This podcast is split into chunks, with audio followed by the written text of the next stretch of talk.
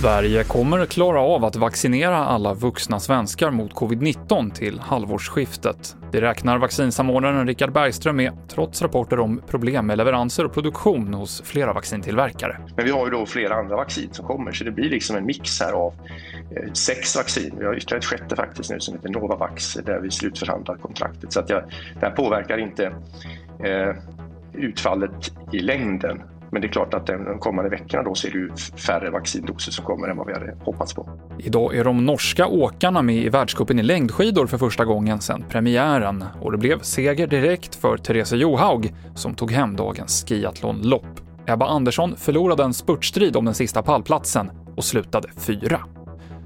Och igår så meddelade Uppsala kommun att man ställer in det traditionella valborgsfirandet även i år. Och nu säger Lunds kommun till SR att man tagit samma beslut. Förra året spred man ut hönsgödsel i Stadsparken i Lund för att folk inte skulle fira ändå.